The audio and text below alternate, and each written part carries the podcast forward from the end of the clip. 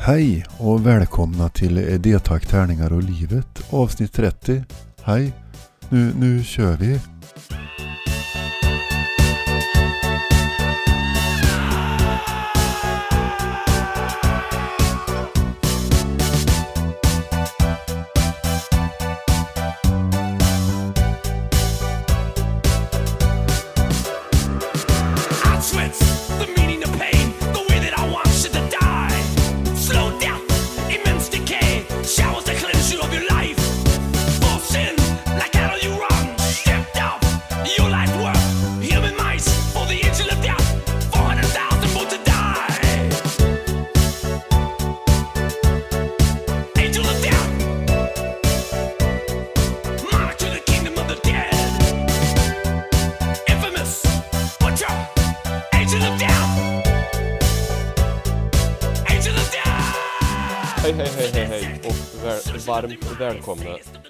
Sagt, eh, den här podden gör jag, Björn och du Niklas. i samarbete med Spelgeek.com som är en spelbutik och Ofång och Motvalls som är ett skivbolag för korta, snabba, arga låtar.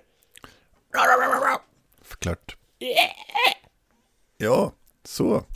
Eh, I detta avsnitt 30 som är eh, första delen i liksom vad vi vill kalla en nästan en triptyk Mm. över det tack, tärning och livet. Eh, vi tänker oss en liten årskrönika där vi idag ska prata om topp tre brädspel eh, 2019. Ja. Och sen kör vi de andra topp top tre musik och topp tre livet i kommande avsnitt. Yes. Typ så. Kommer att vara lite eh, kortare och snabbare avsnitt, Mm. precis som och Motvalls. Vi får se om du signar oss efter det här. Ja, eller om jag blir arg. Ja, just det. Mm. Det är en annan variant. Så kan det bli också. Eh, ja, eh, vi kör. Vad har du gjort sen sist Björn? Vad jag har gjort sen sist? Jag har ju bytt jobb sen sist. Det skulle jag väl Hurra. säga är det största som har hänt mig sen vi spelade in senast. Och det känns bra. Det känns jättebra faktiskt. Eh, Mm. Mycket trevliga arbetskamrater och trevliga arbetsuppgifter som IT-administratör. Åter till mina roots, så att säga. Fan vad gött. Mm. Så det känns Ja. bra. Jag har eh, gjort en månad här nu kan man väl säga. Det blir ju inte riktigt en månad eftersom det blir julledigt så men eh, Mm. Nej, som sagt, känns jävligt gött. Ja, ja det, och det är en ganska, eh, ganska stor omställning från att det du har gjort tidigare så att säga. Mm. Båda dina senaste jobb, både som är liksom i, varit mer på golvet på industri. Mm. Men eh, Grejen, liksom. vart, samtidigt så har det varit eh, så här, ja, när man har lärt sig jävligt mycket nytt på det också. Eh, framförallt Mm. så lärde jag väl mig att jag inte vill stå på industrigolv. och, och, att och att det finns folk som är dumma i huvudet. Nej men eh, det är väl det jag lärde mig men nu har jag provat det också så en lär sig ju saker oavsett vad en tar sig för. Ja men det är vad jag har gjort. Vad har du gjort? Vad jag har gjort? Jag har gjort ganska mycket, men en sak som jag verkligen har gjort är att jag eh, jag var i, så här var det, jag och sambon hade bokat eh, biljetter Mm. till eh, det svenska hårdrocksbandet, progressiva hårdrocksbandet Katatonia som skulle spela på Kraken i Stockholm. Ja. Eh, och eh, det var en lördag i december och sen så när vi håller på att boka det här och fixar och donar och så, så upptäcker jag så här, fan, Björk ska spela i Globen på söndagen, dagen efter. Mm. Och, eh, och eh, ja, ja, någonting sådär, att, men vad fan, vi, vi köper biljetter till Björk också. Bara, alltså det är sådana här, vi vet inte om vi får chansen att se henne igen. Jag har sett henne tidigare två gånger, en gång på Skeppsholmsfestivalen typ 99. Ja. Och sen, och sen på Arvika någon gång på 00-talet. Så här. Och det är ju en märklig liten kvinna det här, Björk. Hon har ju funnits med liksom i någon slags periferi hela tiden och utmanat. Så vi blåste på där och köpte parkettbiljetter, satt på femte rad, det var sittplats i hela Globen liksom. Okej. Och satt på femte rad. Eh, så. Och det är nog en av de, ja, den, en av de mest magiska konsertupplevelser jag varit med om i hela mitt liv. Coolt. Ja, hon Ja, är ju så- otroligt bra faktiskt. Ja. Sen, sen är hon ju jättekonstig, men, men, men på ett bra sätt. Liksom. Det är, alltså, vi har försökt att lyssna in den nya skivan innan vi skulle gå på spelningen. Och det var ju liksom så här, jaha, undrar vad, vad, det- vad betyder det här? Liksom? Man förstår inte riktigt vad som händer och så. Nej, Men, men att se det live med videoprojektioner, alltså den, den skärmen som var i bakkant på scenen, den, undrar hur många av mina årslöner den kostar liksom, att sätta upp. jag såg ju lite bilder, jag måste bara fråga för Mm. så här, eftersom det ändå är juletider Mm. eh, och jag såg lite bilder och det såg väldigt konstigt ut. Var hon vid något tillfälle utklädd till en gran? Man, man skulle kunna tolka det så, alltså det, är det är ju det här som är hennes märkliga, magiska geni liksom. Att hon gör, hon, hon hade ju, kom in t- till en början, hade någon slags mask på sig och någon slags burrig frisyr. Jag vet inte om det är hennes riktiga frisyr, om det var en peruk. Och sen har de liksom en, en grå latexklänning och över det en ställning med små, sticker ut liksom en fjäder från de här ställningarna, alltså en metallfjäder och på det sitter det en, en pälstuss. Och så har de ungefär en 100-150 sådana i, över hela sig. Ja, jag försöker ju, försöker ju nå någon slags komisk poäng med att Björk Ja, ja. är utklädd till gran och det är jul och så vidare. Vi ska ju också idag prata om spelen som vi spelar på Essen, så vi kanske ska gå vidare. Mm. Och innan vi gör det så ska jag spela en låt och då har jag valt att spela, jag hoppas inte jag har kört det här i en annan, eh, i ett annat avsnitt, men eh, det svenska bandet Logg i alla fall. Okej, vad är det för något? Det har inte jag Eh, hört alls. In, inte hört alls. Nej men de är från Lund, de kör någon slags så här mystisk, introvert, eh, viskande sång med lite så här shoegaze varning på. Lite björnmusik liksom. Det är otroligt björnmusik är det. Eh, Men, inte, men inte lika ledset som det brukar vara kanske. Eh, ledset, ja. Låten heter Death to my hometown. Du får väl tolka det som du vill. Eh, men den är otroligt mysig och bra och eh, här kommer den. Tack, tack. I can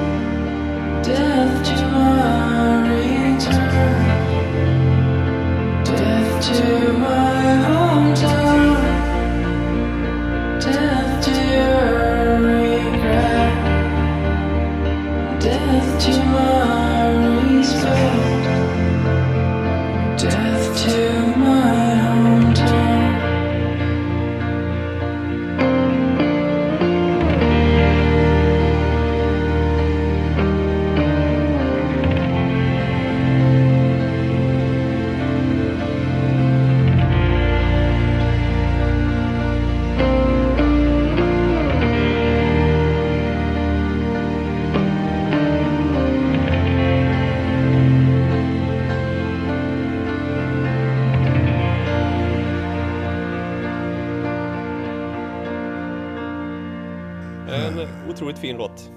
Ja, men verkligen. Otroligt eh, ja, bräckligt var det någon som sa alldeles nyss.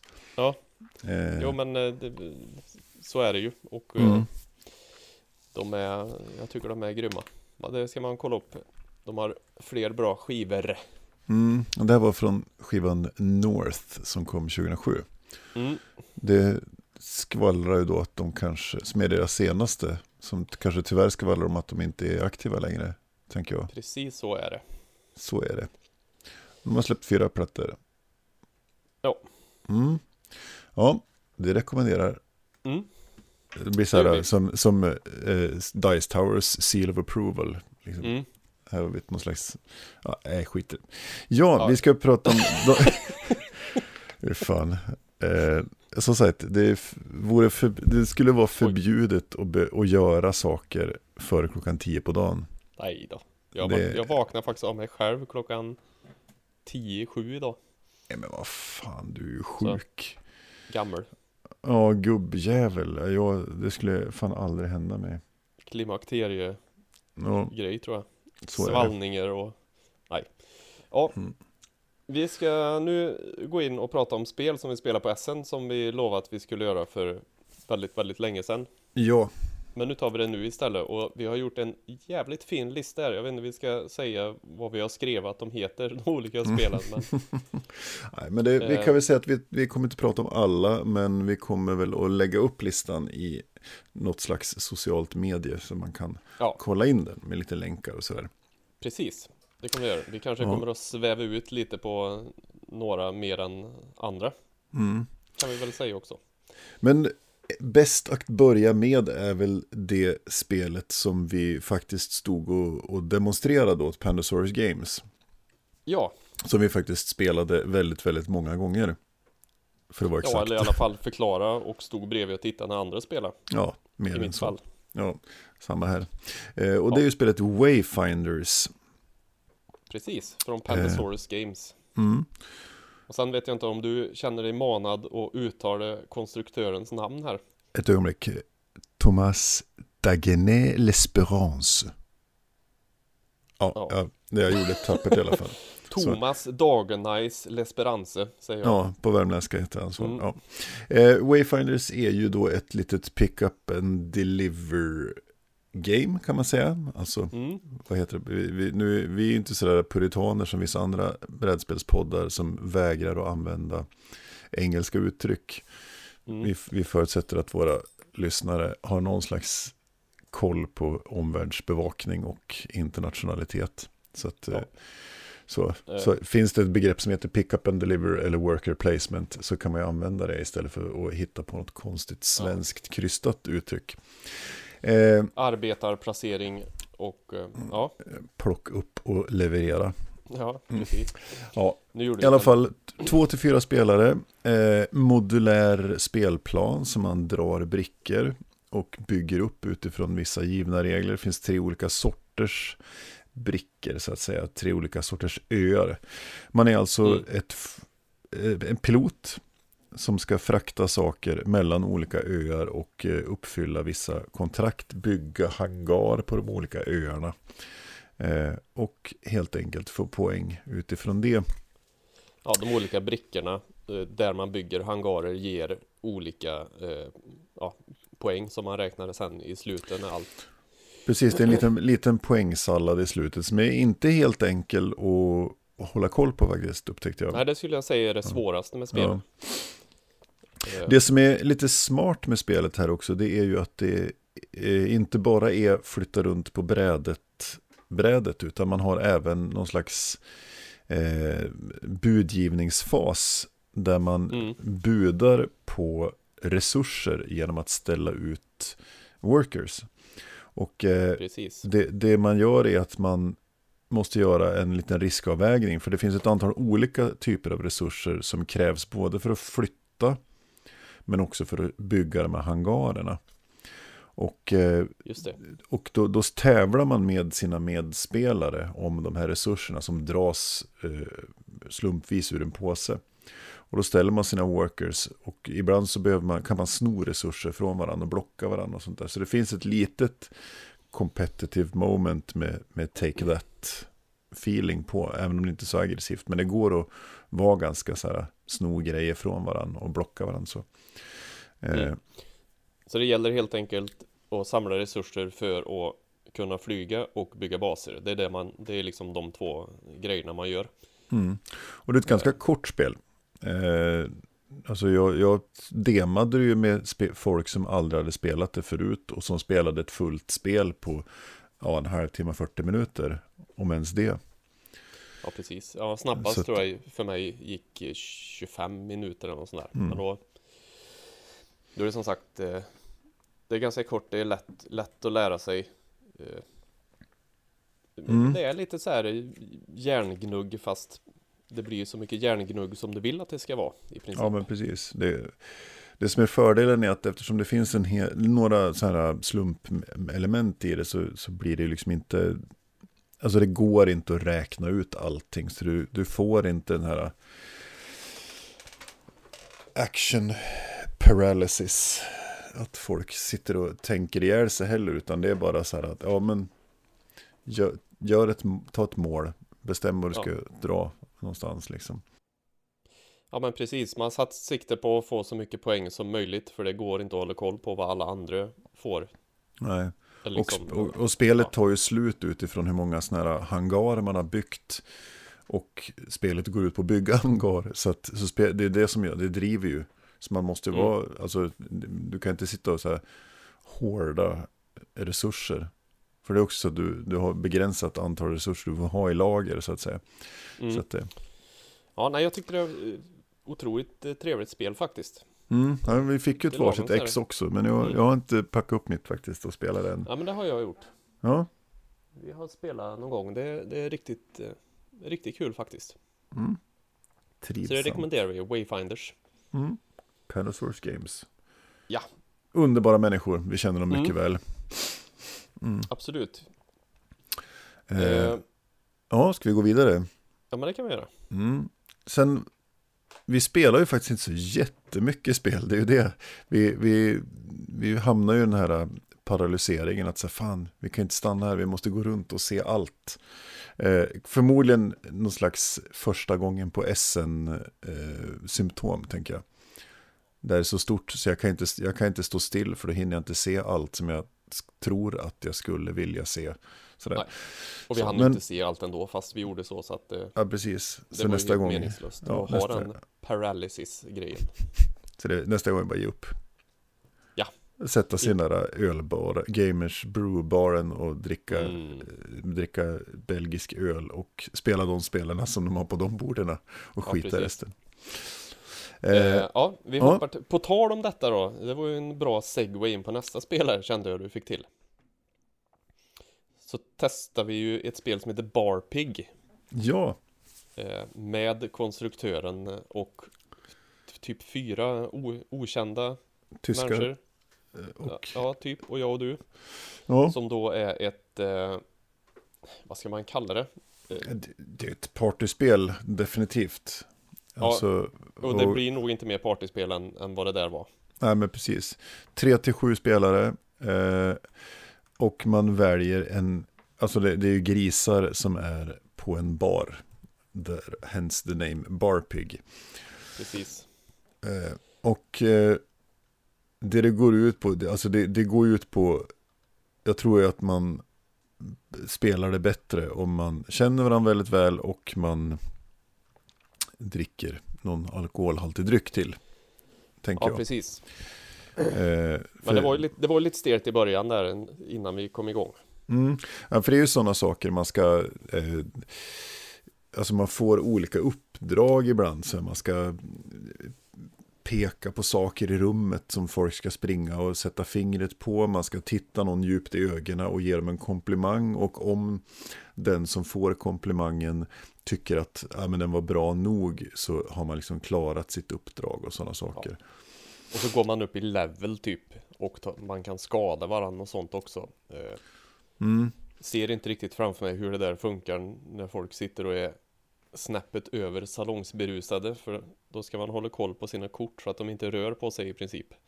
Ja, för du mäter eh, hur, hur berusad din gris är. Och, Ja. och vilken level den har. Och beroende på, man betalar, man har sin, man har liksom en, ekonomin är ens bar tab. Och eh, det är även hur berusad du var tror jag. Alltså man Mm. betalar och då kan man välja att köpa kort och så vidare. Och så kan man ha och stoppa varandra. Och det, det är free for all så att om du och en annan har en, någonting emot, med varandra att göra så kan jag gå in och peta i det också. Så här, och så. Ja, precis. Jag höll på att vinna vill jag minnas. Men då var det någon som kastade några kort. Och Mm. sa bara nej, det gör du inte. Och så Mm. vann han istället precis Ja, på precis. slutet. Ja, Eh, Men det var, det var helt okej tror jag. I rätt sällskap så kan ju sådana där spel vara väldigt roliga. mm, ja men så är det. Så Han var det, otroligt högljudd han som försökte visa oss spel också. ja, men han var eh, energisk. Men han hade Ja. väl, han hade, det var ju så dag tre han körde det här spelet. Han så, såg, Det hördes att hans stämband hade tjocknat på sig lite. mm, och han hade stått Han- och görma i bra länge. ja, och jag tror att han också hade kanske druckit ett glas vin på kvällen innan. Ja, det kan han Så. eventuellt ha gjort. Så kan det vara. Ja. Nej, men så eh, Barpig från, Ja. Och det, de heter det helt enkelt, det är deras företag, publicerar, the Ja, de publisher. eh, publicerar själva. Mm, Jag tror mm. det var någon Kickstarter också. Mm. Det. jag skulle säga att eh, gillar man sådana spel och alkohol så kan, eh, kan man kolla in Barpig. Mm. Enkelt, det kostar ju, un, Ja. kostar ju under 200 spänn liksom. Ja. Att köpa. Så att, eh, Yes, nästa Ja. får du ta för det har jag inte mycket att säga om. Nej, eh, det var ju att jag satte mig ner och det var, det var, det här var egentligen en av de grejerna innan jag hade bestämt att jag skulle göra. Och det är ju en Kickstarter som heter Eclipse Second Dawn of the Galaxy. eh, som är ett eh, stort, stort eh, ett rymdspel helt enkelt. Det bygger ju på alltså Twilight Imperium och eh, de här stora episka flytta runt och, och explora. Man, man vänder upp brickor och man möter rymdmonster man bygger upp sin sin ras och deras eh, olika förmågor och hur vilka skepp man har och forskar på teknologi och såna grejer. Så det, ja. Men man det spelar mot spelet och de andra spelarna va? Ja men precis, och det, det kan man ju välja, försöka välja hur mycket man vill göra. Men man måste nog in och peta i varann också faktiskt. det. eh, men det är ett modulärt gameboard och sådär. Och jag har ju fått, spelmattan har jag fått en gigantisk skitsnygg neoprenmatta. Eh, så den har jag fått, men spelet är, nu sägs det att det ska vara färdigproducerat i januari. Eh, det- var också min fråga till dem när jag var där. Att jag tänkte att jag skulle fråga hur det går för dem. Och då var det ju en detalj. Man har liksom eh, små plasttrays. Alltså grejer där alla prylarna är. Alltså små kuber och, och sådana saker. Och då var det ju ett ställe där det var en. Man skulle klämma fast en värdemätare. Där man mätte peng, resurser. Och om man tog bort den då sprätte det till i den här plasten så att 30 små kuber lyfte och sprätte iväg. Och det tyckte inte de var en speciellt bra idé. Så de ville göra om den. Ja, just det. Så. Lite mer sturdy. Precis, och det så. Så det, det fick jag spela och det, det känns, det ska bli jäkligt kul att få det spelet. Det har jag sett fram emot väldigt mycket. Eh, snygga, mycket miniatyrer i plast och ja, så det, det, ja, ja, men det ska bli väldigt roligt. Och det är ju finska Lautapelit som, som, som släpper det. Ja. Eh, Två till och, sex eh, spelare också va? Ja, precis. Så, Tukku Takku Kallio är det som är konstruktör. ja, undrar om han var där. Nej, det vet jag inte. Nej, det var han inte. Eh, så så det, det ska bli roligt. Det är stort strategiskt liksom. Så Mm. kan man säkert spela på hur länge som helst. Det är ju då en, en återutgåva. Originalet Eclipse kom 2011. Och så har det släppts uppdateringar eh, och expansioner. Och nu kommer liksom allt i ett med, så att säga. Ja. Så, så det, det var trevligt att få spela det. Just det. Mm. Eclipse Second Dawn of the Galaxy. Sen testade jag och du spela mot varandra ett spel som heter Roots of Mali. Mm. Det var inte så Eh, kul. Av Suncore Games. Eh, nej, det var lite så här. Först när han förklarade så bara, eh, va? Och sen när vi började spela så fattar man lite, men jag kände att det hade inte något super... Jag ville inte stå kvar, det var knappt så jag ville spela färdigt den, den omgången vi Mm. höll på med. Men det är i alla fall då ett eh, typ ett Dice War kallar de väl, men ett tärnings... Ja. Man, man går emot varandra, lite som schack så här, fast man hade tärningar som hade olika, varje sida var en eh, egen, eh, vad ska man säga, karaktär. Ja, men precis. Det- en, en, man hade liksom, ja men precis, schack är en bra benämning. För där har du bönder och, och, och Mm. hästar och torn och, och löpar och sådär. Och här var det så att varje sida var en sån.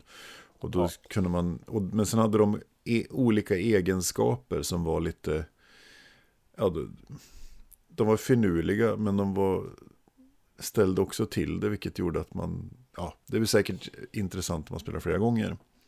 Men, Ja men säkert, men det var så här eh, Tvåan slog ettan, trean slog tvåan, fyran slog trean och neråt liksom. Mm, Ända tills du kom upp till sexan. Men där kunde trean ta, slå sexan mm, eller något sånt. Så det var lite sånt där och så kunde man, skulle man gå framåt då och ja, man kunde ja, flytta åt ta sidan. död på sina, sin mot, motståndare på något vis.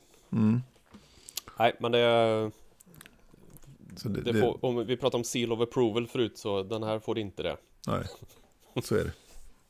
Eh, Suncore Games och det är bara för två spelare Mm, en duell helt Eh. enkelt. Spendera era pengar på något annat Mm. Till exempel på eh, Project L, som var Just Det har vi pratat om tidigare också, vi har nämnt det. Eh, och eh, det här var ju lite, det här var ju ändå besvikelsen. Den kom, den kom på våran topp botten tre-lista tror jag, eller var min botten tre, Essen. Så har vi pratat om Project L, för att de hade ju eh, eh tillverkningsproblem. De hade beställt 900 spel, levererade direkt till Essen. Och när de packar upp dem så inser de att de är, är, är fel. De är, eh, det är ett produktionsfel på dem som inte var på eh, pre, PPCn, pre-production-kopian. Vi ska säga att den är inte på din bot 3-lista för att spela var dåligt utan Nej, för att det inte kunde levereras. Sådär. Men vi provspelade ett litet finurligt spel där man eh, helt enkelt har små geometriska figurer. Ja, men lite som brädspels-Tetris.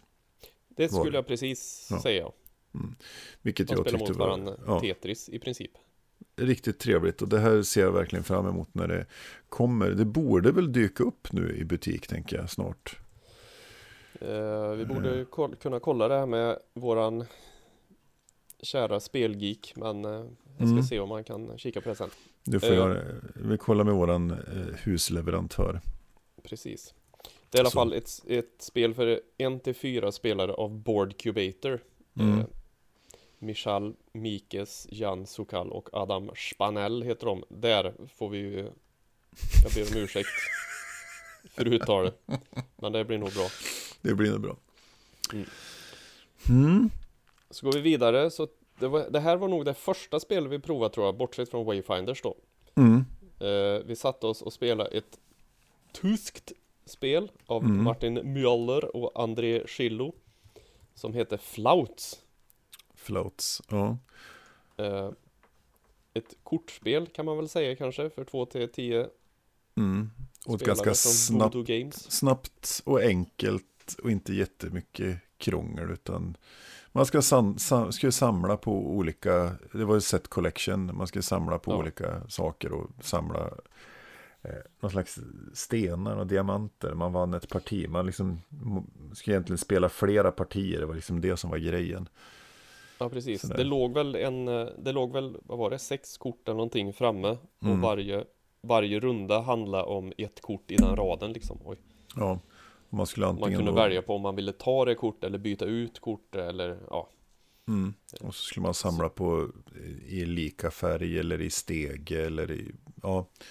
Ja. Så. Det var, var, som sagt, set collection, det fanns lite olika kriterier för hur man eh, kunde få poäng där. Ja, helt okej, inte alls dyrt. Mm. Men eh, det var heller ingenting som jag kände, åh shit, det här måste jag ha. Nej, det var ja, i, i enklaste laget tänker jag. Ja, Så, men det funkar ju. helt okej. Inte Mm. Roots of Mali. Nej, Nej, det känns som jag rackar på det nu, för det, det är en bra tanke, Roots of Mali, men Ja. det, var, det var bara inte roligt. Ja, Mm. vi går vidare. vi går vidare. Sen kom vi då till ett spel som jag har kört lite här hemma också, som jag köpte. Och du köpte det och där, där spelade vi då inte på mässan utan där köpte du och sen så spelade vi det på vårt fantastiska hotellrum. Ja, just det. Mm. Eh, och det var ett, ett spel som heter Tricky Druids. Mm. Eh, som är släppt av Pegasus Spiele och av Carlo A. Rossi. Det är det som har konstruerat detta. Och det är då ett eh, spel för två till fyra spelare där man ska eh, göra klart potions. eh, Mm. Kan man väl säga. Eh, och hur man gör detta då är att man har kort eh, med olika ingredienser på, eller där det ska vara eh, man säger, en- den här potionen ska innehålla de här tre ingredienserna och så har man, alla har skärmar framför sig så ingen ser vad de andra ska ha för något eh, ska tillverka eh, och sen slår man en, ett gäng tärningar som säger att de här olika ingredienserna har du att, att eh, spela med den här rundan. Samt att man slår en tärning med en siffra på. Som är då 1 till 6 tror jag. Kanske var, 1 till 4 är det nog förresten. Fast en sexsidig tärning. Eh, och då är det så finurligt att du måste erbjuda någon annan att ta de här ingredienserna, hur du nu väljer att komponera dem. Eh, men ibland, i, ibland så vill man ju inte att, det är ju saker man vill ha själv ibland. mm. Så den här bl- bluffavvägningen bara, jag erbjuder dig nu att ta de här fast jag vill egentligen ha dem. Eller ibland så kan man ju bluffa och bara säga, här, ta de här. Och så är det grejer man inte alls vill ha. Ja, men Eh, det, då det, funkar- det ja. elementet som jag tror att gick igång mest på just det här att man, man bluffade, alltså just bluffmomentet att Mm, försöka säga, ja ja men den här skräp eh, den vill inte jag ha. Och så hoppas jag att du tar något annat för jag vill egentligen ha den och så vidare. ja, Så var, precis. Och då, då, det funkar ju så eh, att antingen så, när jag och du spelar, antingen så väljer du att ta det. mm, Eh, och då kanske det är saker som du, du kanske vill ha något av det men inte allt. Och då har man en liten papperskorg som man kan lägga grejerna man inte vill ha i. Eh, fast om den blir full, då förstörs hela, mm, hela din potion så får du börja om från början. Antingen så väljer man att ta det om man känner att man klarar av det eller saker man vill ha. Eller så säger man bara nej, det vill jag inte ha. Och då måste den som har erbjudit dig ta allting själv. mm. Så det är väl där det ligger. Eh, och- Och just det här, jag, jag tyckte att det, det är kul. Vi har kört det på tre också och det blir ju roligare. Ja okej, ja, fler ja, man är såklart. ja, ja, det skulle vara intressant att få spela det på, Mm, på fler spelare. absolut. Nej men så det är kul. Det är jättesnabbt och enkelt. Det är ju jätteenkelt spel liksom. Mm. Eh, Tricky Druids eh, skulle jag rekommendera om man Det är ju inget eh, tungt Eurogame direkt. Nej, Det är lite det är en liten, Party, en, party, litet, party. litet mys, mysspel. Mm.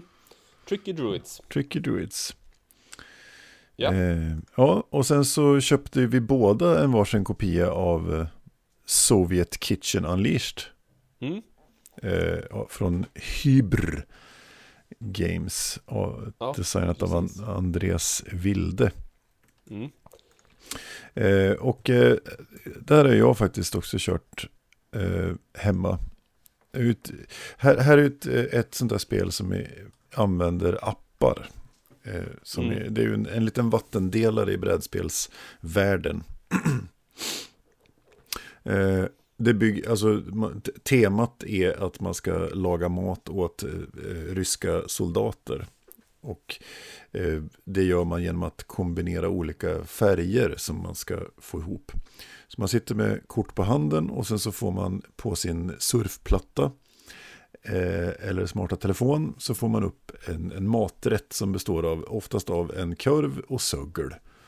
Och så är det en färg på söglet och så är det en färg på korven. Och så ska man prata sig fram till vilka, om jag har den här färgen och du har den här färgen, blir det då den färgen som det är på skärmen. Och Precis. sen så kombinerar man de här färgerna genom att det är en, en QR-kod på baksidan av kortet som man håller över kameran på, på telefonen eller surfplattan. Och så kombinerar appen ihop de här färgerna. Eh, Fungerar det, väldigt bra tycker jag faktiskt. Ja, ja, ja, otroligt bra. Och eh, spännande hur, nu har jag suttit här och spelat med en eh, för detta konststuderande som har bättre förståelse för hur färger blandar sig än vad jag har. Jaha, Vilket det jag borde också, ju räknas som fusk eller? ja egentligen. Men eftersom jag uppenbarligen inte vet alls hur det funkar så kompenserade det det ganska bra. Okej. Jo men själva grejen med det är också att man får inte visa varandra sitt kort när man har på hand. Man får bara säga att jag har en mörkblå. Har du något ljusare liksom som Mm. kan ljusa upp det om man ska ha en ljusblå kurv eller ljusblå sögel. Ja, Och det... det- är väl där också som, som lite spelmomentet kommer in. Och ju Ja. fler man är desto svårare är det ju att få ihop den här jävla färgen. För Ja, alla måste ju spela ett kort. Så är det ju. Så att det ja, men en, en smart idé. Ingenting man spelar jättelänge så. Utan man kanske kör ett par partier som, Mm. en, som en filler liksom. Perfekt Och, ha med på jobbespel ska jag säga. Ja, nu är en till sex spelare. Men jag fattar inte hur man ska göra det på sex pers. Om sex pers ska kombinera sex kort Nej. liksom. Nej, det, är- det, är, det är svårt. Allt får ju vara mörkbrunt då. Mm. Men det blir jävligt intressanta diskussioner när man ska beskriva abstrakta färger för varann. Alltså jag har en orange, den är ganska varm men matt. Alltså det är ju det är lyster och det är nyanser liksom. Så att det, nej, jag, jag tyckte det var riktigt trevligt. Mm.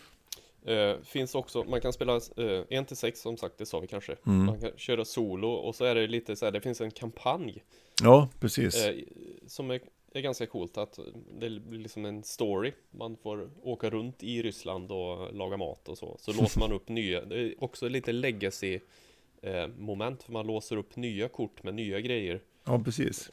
Eh, som, det är riktigt, jag, jag gillar det som fan. Jag tycker Mm. det, det här får en eh, seal of approval av mig. Definitivt. Mm. Mm. Soviet Kitchen Unleashed. Och sen så är det ju ett spel då som jag har som jag har varit intresserad av länge som jag äntligen fick tag på och det är ju Railroad Inc. Mm. Eh, som ju då är ett eh, roll and write spel kan man väl säga. Ja. Eh, går ut på att man all, varje spelare får en liten karta med ett rutnät på, eller karta är det inte än, men det blir en karta. Eh, man får en liten sån som man kan skriva och sudda på. Eh, och så slår man tärningar. Och då, Och tärningarna har då eh, antingen järnvägar eller vägar. Och i den här versionen som jag har som heter Deep Blue Edition. mm. Det var nära. Ja. Eh, eh, så är det också vattendrag på tärningarna. Och man slår tärningarna och så ska man helt enkelt på sin eh, lilla kartbit, rit, ri- man måste rita de här och knyta ihop dem. Mm. Och beroende på hur bra du gör det så får du mer poäng liksom. Precis, det är lite poäng, poängsallad på slutet helt enkelt. Ja, vi... man får minuspoäng om du har en väg eller en järnväg som inte leder någonstans eh, och så vidare. mm. Det här har jag suttit och spelat själv också, för det funkar ju att spela själv. Det är från 1 till 6, men jag skulle säga att man kan vara hur jävla många som helst, bara man har Man kan ju skriva ut de här små lapparna så man kan vara fler liksom.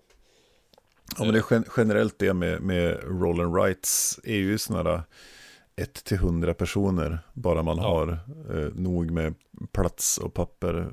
Ja, Det här- så man länge skulle- alla ser tär, tärningar vad som slås liksom. Ja. Ja, jag- vi, vi skulle kunna, här skulle kunna spela det online till exempel, att eh, vi, vi skulle kunna slå tärningarna i en webbkamera och så skulle vi kunna ha 20 pers som sitter och spelar det var för sig liksom. Nu kläckte vi precis en bra streamidé här. Ja, Jättebra. precis. Det ska vi göra någon gång. Mm, det får vi göra. Eh, Bra nej, grej. Som sagt, Den ja, är ju jag, fin. Tyck, jag tyckte det är jätte supertrevligt det. Mm. Verkligen. Eh, Perfekt att spela. Man blir helt eh, indragen i sin lilla kommunteknikvärld. Precis. Ja, och det är då eh, Horrible Guild heter eh, företaget som har, och jag, Ja, Horrible Guild och eh, Hjalmar Hasch ha, och Lorenzo Silva. ja precis, som har gjort det. H-A-C-H är det då. Mm. In- Inget annat. inget annat, inget annat. Ni får välja Yes! på Hjalmar Hasch eller Hjalmar Hack. Ha, ja. Då ska jag spela Yes. låt. Ja. Eh, och eh, då var det så att jag valde en låt eh, igår kväll. Och eh, Mm. sen så skulle du välja en låt nu på morgonen innan vi började spela. Och då visade det sig att du hade skrivit exakt samma låt. Ja, Vilket ju är jävligt roligt. Eh, men så kan det vara. Eh, och det här är då ett, ett av mina Björns sådär, favoritband. Som, som vi också, det finns en SN-koppling i det här, för vi träffade sångarens kompis på, ja. på mässan. Eh, så Fredrik Talberg som var, var med och sa tjena Ja. hej. En mycket, Han har ju också varit, var ju också med och, och sjöng på en låt i på Mästerverk. Ja, ja precis. Eh, bandet heter Tvärnitad och det här är Ja. ju eh, ett fantastiskt eh, svenskt band. Som precis nu i dagarna har släppt en, eh, i december har släppt en EP som heter Lavetta de Idiota. Fantastiskt namn på en skiva. Eh, Mm. och, och vi ska spela den eh, inte politiskt korrekta låten Full. Som är en, eh, en, har blivit seglat upp som en liten favorit här. Ja. Otroligt eh, fin. Mm. Djuplodande text och så vidare. Men Ja. den, den kör vi. Den kommer här. Ja. Kör. Är du full nu igen? Ja, hur så då? Ja, det angår inte mig, det vet jag. Men jag ska säga att det kommer att sluta illa för dig, Nilsson. Jag ska säga det att jag har en bekant som super som du. Och doktorn sa att slutar inte han genast så dör han. Alltså, det var ju intressant. Jag har också en bekant. Som super. Nej, men han har ett blått och ett brunt öga. Ett blått och ett brunt öga, är det sant det? Blåtiran fick han när han la sig i sånt som inte angick den.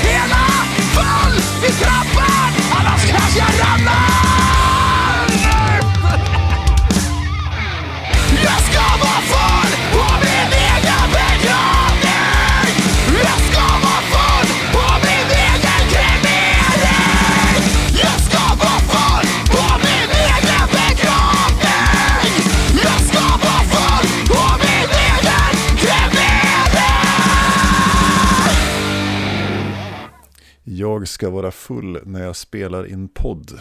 Ja, det är, Ja, ja, jag tänker också vara full på min egen kremering. Det är, ja. så är det bara. Visdomsord. Visdomsord från, från farbröderna i, i Tvärnitad. Ja. Så. Ja, då var det dags för topp tre. Ja. Och då har vi tanken att vi ska kora då de topp tre brädspel som vi, eh, som, som vi inte som möjligt nödvändigtvis har tillverkats under 2019. Ja. Utan, utan de tre brädspel som vi helt enkelt har kört mest och som vi tycker bäst om under 2019. Ja, det kommer att bli Så. en väldigt, väldigt, väldigt olika lista det här tror jag. Fast å andra sidan så kommer det att, eftersom vi antagligen har pratat om allting i alla andra avsnitt så. Mm. Men så, är det. Så är det. Ja, så är det. Och, Så blir det ju eh, när man gör ett best of ett år i och för sig. Det är ju inte så konstigt. Nej, och, och det är ju så, hade jag spelat schack för första gången i 2019 och tyckte det var jävligt roligt, vilket jag inte gör, så hade ju, då hade det kunnat hamna på den här listan. Det är lite så vi tänker. Mm. Eh, ja, vem ska gå först? Du eller jag? Nej, men jag kan väl börja med min eh, på tredje plats då. Kör. Och det, det här kommer ju inte som en överraskning för någon tror jag. Men eh, Colt Express ligger ju på min tredje plats. Mm. Detta mästerverk av Christophe Rim- Rimbaud. Mm. Christophe, ja skitsamma. Ludonaute, Mm.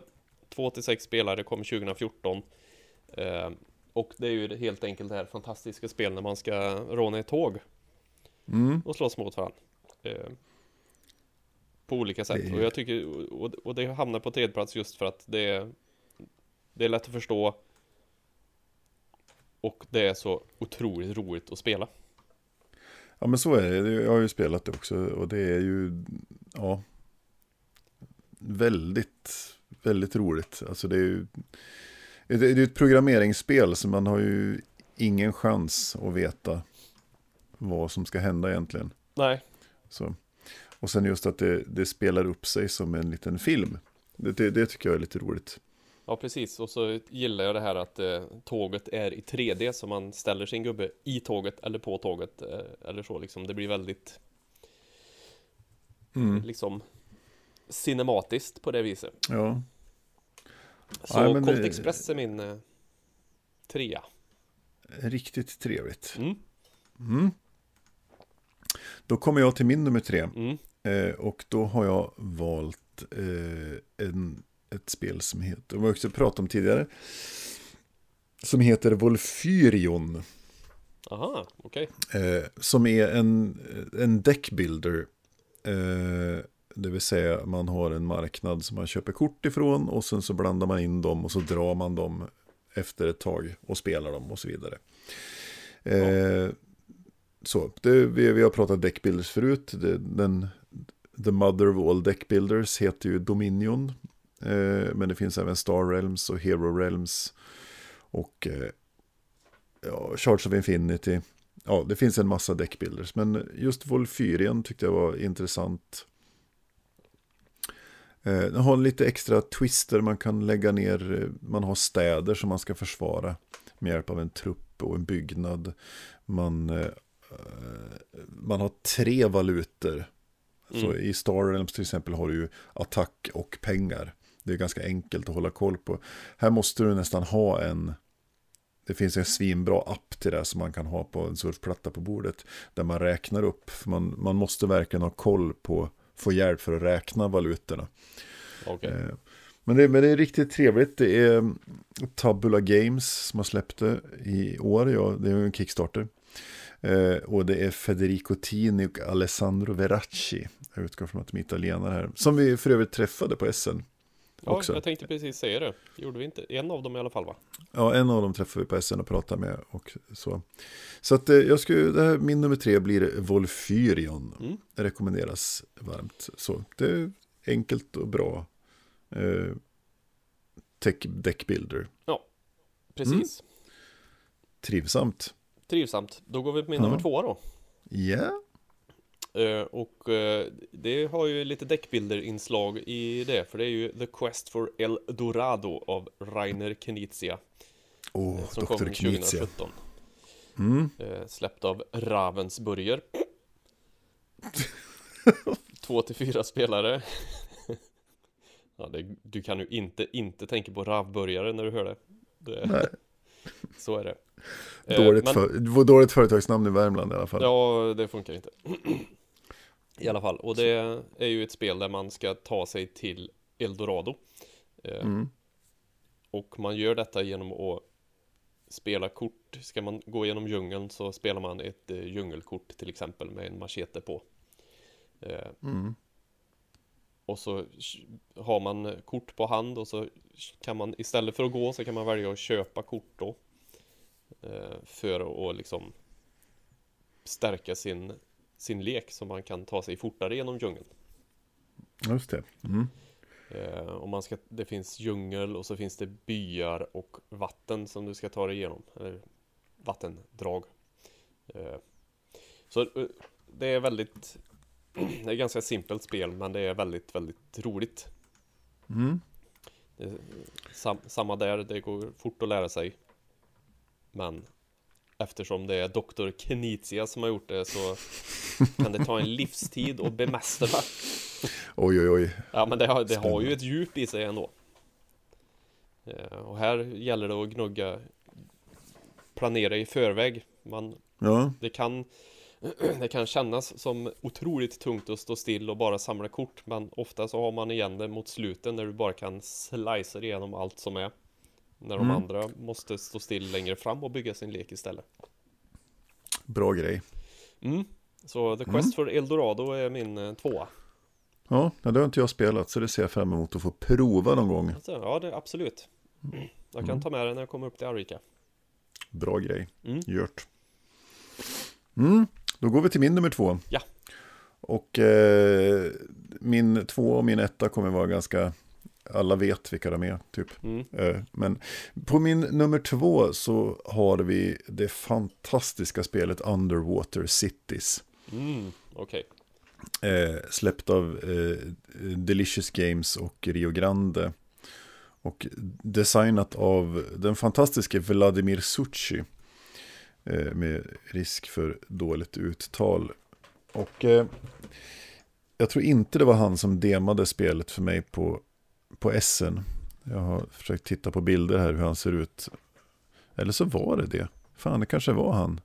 Ja, oklart. Mm. Eh, men i alla fall, eh, det här var ett av de spelen som jag hade på min lista. Ska förmodligen köpas på Essen. Och Okej. eh, han, han inledde ju med att säga att det var som en kombination mellan Caverna och Terraforming Mars. Och då var jag såld redan där. Sen så skulle väl jag säga att det kanske inte riktigt stämmer eh, att det jämförs med just de spelarna. Du ser emot Det- tillverkaren alltså, eller konstruktören? Ja, det är väl ett mer, kanske mer ett säljgrepp än, Ja, okej. än verklighet, tänker jag då. Eh, men för all del är det ett fantastiskt spel. Eh, det är så, man ska bygga sin lilla, eh, sitt lilla nätverk av undervattensstäder med produktion. Man har, det är en sinnrik kombination mellan worker placement och eh, hand management. Mm. Grund, grundbulten i det är att du har ett antal eh, ställen att placera dina tre workers på, så att säga. Och de här är tre olika färger. De är orange, de är röd eller de är grön. Och sen har du kort på handen som också har olika effekter. Och du måste alltid spela ett kort samtidigt som du ställer ut en worker. Och matchar du färgen på kortet med färgen på platsen där du ställer din worker, då får du göra både det som står på brädet och det som står på kortet. Men du kan Okej. även ställa dig på en röd plats och saka ett grönt kort, men då får du bara göra den röda actionen, så att säga. Eh, och så är det lite en ganska rejäl poängsallad i slutet. Men tajt ekonomiskt, tajt med resurser. Eh, men man kör tio runder liksom. Och tre produktionsfaser. Efter runda fyra, efter runda sex och efter runda tio. Och det här eh, är mycket trevligt och eh, jätteont i hjärnan. Okej. Och, men, en, men ändå spelar jag och sambon spelar två pers. Vi har liksom landat, tar ungefär två timmar att spela. Eh, och nu har jag äntligen lärt min gode vän, vår gode vän Johannes att spela det här också i onsdags. Så nu ska vi försöka spela det på tre. Och här kommer då Vladimir Suchis, det som han verkar vara liksom hans genidrag. Och det är att han balanserar upp sina spel för olika spelarantal. För det är så Okej. att om vi nu ska spela Underwater Cities på tre pers, då vänder vi på spelbrädet och då ser det nästan helt olika ut. Alltså det finns fler worker spots. Varje worker spot har andra effekter i olika andra kombinationer än på en till två spelarsidan. Okej. Eh, så det, det här är lite det som ska bli väldigt intressant att prova det på flera personer. Just utifrån att man då, det, det, det blir ett annat gameplay helt enkelt. Och, Ja, nej, men det eh, blir ju coolt att höra sen hur det funkar på tre eller på fler. Ja, man är, det är en till fyra spelare eh, som kan spela det här. Mm. Så att, ja, ser fram emot detta att prova på flera. Så min nummer två är Underwater Cities. Okej, Då kommer din nummer ett. ja, har Ska du du- någon du- slags aning? Ja, Jag kan, ge jag kan sjunga en liten fanfar. Ja,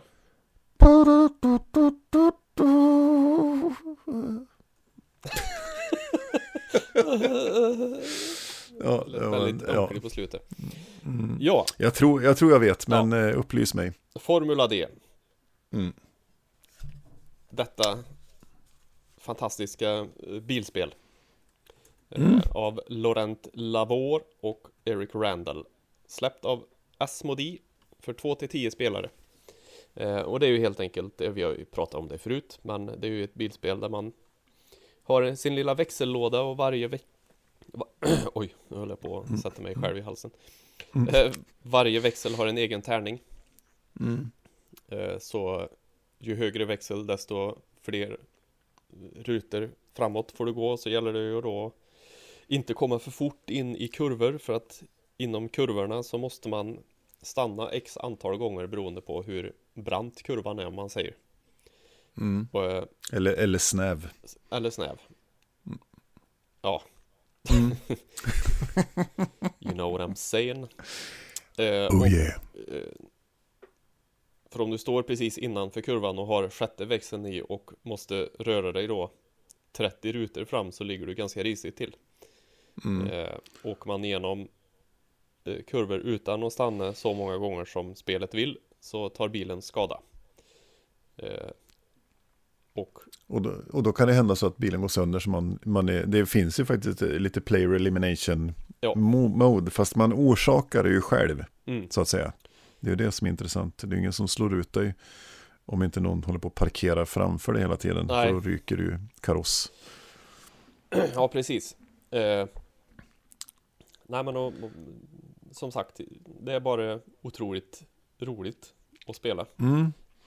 Och ni kör ju en, en liten Grand Prix har Mm. ni hemma. Men ni har bara kört ett race va? Vi har bara kört ett, ett race än, eh, har vi Mm. gjort. Men det här är ju någonting som jag kommer att posta på våran Facebook när vi kör. För jag streamar ju och så man kan vara med Mm. och tycka och tänka och tjoa och kimma. Precis, jag, jag var och såg det första Ja. racet och det är roligt.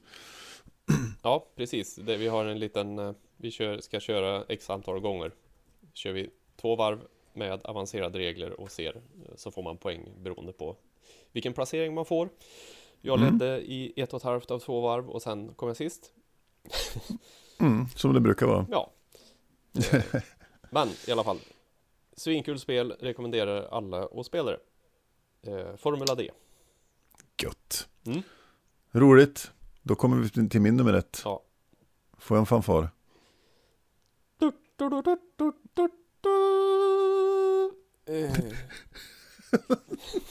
Jag var tvungen att lägga till det på slutet där. Ja, jag, jag hörde det, jag förstod det. Ja. Och eh, ja, det här är kanske den mest obvious placeringen på ett spel i en topp tre någonsin. Ja, det skulle jag säga. Mm, ja, och eh, självklart så är på nummer ett så är det ju Terraforming Mars. Eh, ja, jag, det blir så uppenbart när jag tittar liksom, jag, jag köper Terraforming Mars i januari efter nyår ganska precis i, i år, 2019. Eh, går lite all in sådär som jag kan göra ibland och köper allt som finns. och får ett hem ett paket. Och sen har jag alltså, jag och sambon har alltså spelat någonstans i runda slängar 30-35 partier. Någonstans däremellan. Sen i januari Mm. av det här spelet. Och jag tänker att det i sig säger att det här är ett favoritspel. Ja. Eh, för den som inte vet vad Terraforming Mars är så är det då ett spel som är gjort av Jakob Fryxelius och släppt av Fryx Games och Stronghold Games. Eh, originalet, grundboxen kom 2016 men sen har det kommit då expansioner under resans gång och den senaste expansionen fick jag, var en Kickstarter som levererades nu i november som vi har spelat en gång, har vi provspelat den. Och det är ju ett, ett Eh, spel, kort och brädspel där man ska bygga, man ska helt enkelt eh, göra Mars beboeligt och då bygger det då på idén att 9% av Mars yta måste vara täckt med vatten, man måste ha 14% syrehalt i luften och det ska vara plus 8 grader, då kan man teoretiskt sett bo på Mars. Och det är det man ska göra. Och så är man olika företag som tävlar om att göra ordning Mars och komma dit helt enkelt. Ja, just det. Eh, ja, och det här är, det är riktigt, riktigt genialt eh, byggt. Man har, det är så pass många kort och så pass olika tillfällen de kan bli spelade. Man har olika förutsättningar beroende på vilket företag man har och sådana saker. Olika taktiker. Det är många sätt att vinna på. Det är poängsallad i slutet även här. Eh, där man kan, alltså många vägar till vinst på svenska. Eh, multiple victory paths på engelska. Eh, Mm. Sådär. Så det, det är, ja, detta fantastiska spel som jag kommer att spela många, många gånger till. Det, alltså replayabilityn är oändlig skulle jag säga det här spelet också. Vilket är fantastiskt. Eh, och som, som en side-note så spelades ju faktiskt eh, SM här nu 7 december 2019. Mm. Eh, Hörde spel- jag att du blev nämnd där någonstans? Ja, ja, men det var... Ja, nördfaktorn slår i taket. När, vi sitter ju då, jag och sambon, och ska gå på den här Katatonia-konserten. Ja. För det första så hade vi bokat biljetter till Katatonia och sen kommer det ut att de ska ha SM i Terraforming Mars samma dag. Och både jag och sambon blir så här morr, men väljer att gå på konserten. Men vi sitter alltså på hotellrummet och eh, förfestar och livestreamar och chattar med dem. Eh, som, ja, och tittar på SM i Terraforming Mars. Ja. Sådär, så att det var, nej, det var jättetrevligt. De hade fått låna någon, någon livesändningsrigg av någon annan förening. Det är ett spel i väst som anordnar det här då med Mm. Fryx Games hjälp. Och de hade fått låna en, en så de, och det var skitbra, verkligen superbra arrangerat. Så stora kudos till Spel i väst som, som arrade det här med kommentatorer. De hade ett fokusbord som de följde. Och då använde de då Fryx Games eh, officiella turneringsregler då, som finns. Mm. Så de spelade en slags Swiss-format där man spelade tre matcher. Och sen var det ett finalbord på det då. Så det var riktigt trevligt. Men ja, Terraforming Mars, fantastiskt. ja. Mycket Gött. trevligt. Har du någon bubblare? Mm. Ja, många. Mm. Har du någon Många. bubblare som du vill nämna? Jag kan väl nämna Pipeline. Ja. Eh, så. Eh, som jag tycker är ett riktigt trevligt spel. Eh, det har jag pratat om tidigare också. Det är också sådana här ont i hjärnan-spel. Man ska köpa och sälja olja och raffinera den i olika steg. Samt både på ett bräde i konkurrens med andra, worker placement, men också att man bygger ett eget nätverk av oljeledningar som man raffinerar oljan i. Så det kan jag väl stoppa upp som en, en, eh, en liten bubbler. Jag kan även bubbla in eh, Suburbia. Ja. Som jag köpte eh, någon slags eh, super mega idiots collectors edition på Kickstarter som jag fick här. Det är den största, Heter den så? Ja jag tror det. Det är den största jävla spellåda jag sett i hela mitt liv i alla fall. Och, eh, men jag och sambon har provkört lite grann här. Riktigt trevligt motorbygge med lägga brickor. Det tror jag, det ska du få prova faktiskt. Ja, okej. Riktigt trevligt så. Ja, jag tar de två bubblarna. Får Ja. du, duga. Har du någon bubblare? Ja, eh, jag köpte ju på Essen så köpte jag Charge of Infinity expansionen. Eh, Mm. Som jag nu inte längre har i min ägo. eh, för den gav jag bort. I alla fall. Mm. Då fick jag möjligheten att köpa ett, ett till spel för eh, 10 euro. Okej. Eh, och då köpte jag ett spel som heter Roadhog. Rule the Road. Okej. Eh, som är konstruerat av Randall Hoyt och släppt av Jolly Roger Games och Ultra Pro. Eh, 2017 släppte han det. Och det är ett spel där du ska, eh, ett enkelt, som vanligt. Eh, man ska ta sig från punkt A till B på en väg i trafikrusning. Eh, jag postar lite bilder på det här när vi har spelat. Eh, och det är superenkelt. Man bygger banan av tiles och sen så ska man helt enkelt slår man två tärningar och så man placerar ut på de här brickorna också då. Eh, trafik, bilar och lastbilar tillsammans. Och sen är det superenkelt. Man slår en tärning. Två tärningar slår man. bra, bra förklarat där. Eh, en som eh, berättar hur många steg du, du får gå med din bil. Och den andra tärningen berättar vad du får göra med den andra trafiken som är runt dig. Inte motspelarna då, men den, de här vita bilarna.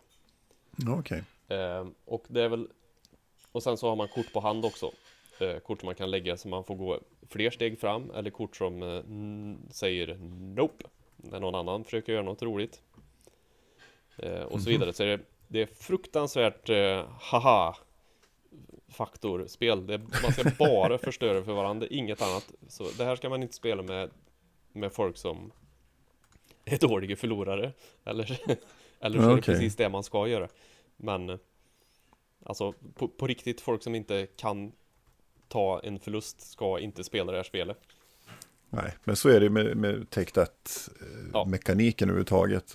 Det är Men det, det är svinroligt Roadhog eh, Det var nära att det tog sig in på min eh, topp 3-lista här Sen Okej. tänker jag lägga in ett spel som jag inte har spelat än Men jag tänker lägga med det som en bubbla ändå För jag vet att jag kommer att tycka det är roligt Och det är Saboteur eh. Det har du pratat om och det låter väldigt intressant. Ja, när man är dvärgar som ska ta sig till en Man ska skaffa rikedom i en gruva Helt Mm. enkelt Man ska hjälpas åt Men någon i laget kan vara en sabotör Som då enbart vinner om, om alla förlorar Eh, Man lägger ut kort För att ta sig fram till de här skatterna då Så eh, Jag har inte spelat än Men det är också ett sånt här enkelt partyspel kan man väl säga. Mm. Eh, som ser väldigt, väldigt intressant ut. Så det ska bli Ska jag försöka testa någon gång här i helgen med släkt och vänner. Ja, det Kanske låter ju trevligt. Kan vara någonting som jag får inviga mitt eh, biljardbord med som jag har bredvid Ja, just det. Som nu pryder min mancave. Fint det. Och det är Amigo Games som har gjort det. Designat av Fredrik Mojersoen. Exakt. Hur många Mm. kan man vara? Sju? 3 till 10 står det. Tre till tio? Okej. Mm. Ja. Så är det. Och för ordnings skull ska jag väl nämna att eh, Pipeline är designat av Ryan Courtney och släppt av Capstone Games och Suburbia är designat av Ted Alsbach och släppt av Bezier Games. Så. Är det då en One Night Ultimate allting? Bezier? Eller? Mm. Jag tror det. Va? Skitsamma. Ja, vi släpper den. Vi släpper den. Jag, jag klipper bort mig själv. Ja. Och så kör Ja. vi en, en jingle och sen så kör vi ut. Ja, ja, men vi kör färdigt här nu bara. Ja, precis. Ja. Gött! Ja. Det var en, en första jättekort eh, topp tre Ja, som, som lite, lite års bästa lista. Det kommer två till. Eh, håll i hatten, ni tappra krigare som lyssnar på vår fina lilla podd. mm. Eh, och man tack får som fan för jättegärna... att ni gör det. Ja, men tack, tack. Så in i helvete. Eh, man får gärna kontakta oss. Man kan ju skriva upp sina egna eh, topp tre-listor och delge dem med oss på något valfritt socialt medie. Om man vill att den ska vara publik eller vill man inte att den ska vara publik kan man mejla oss den på detakt.spelgeek.com. Eller ska man recensera oss på iTunes och skriva sin topp tre där. Ja, Så. det, får man så länge man ger oss fem stjärnor. Svar ja. Det är så vi jobbar. Mm. Eh, men med det så vill vi väl säga tack för nu och eh, vi ses snart igen. Jag skulle vilja avsluta med ett ordspråk som jag lärde mig på jobbet i torsdags. Eller Ja tack. Här kommer nu Eh. vår avslutning. Vi säger tack så mycket och avslutar med eh, denna livsvisdom från Björn Lindström. Varsågod. För att göra en lång historia kort, håll käften.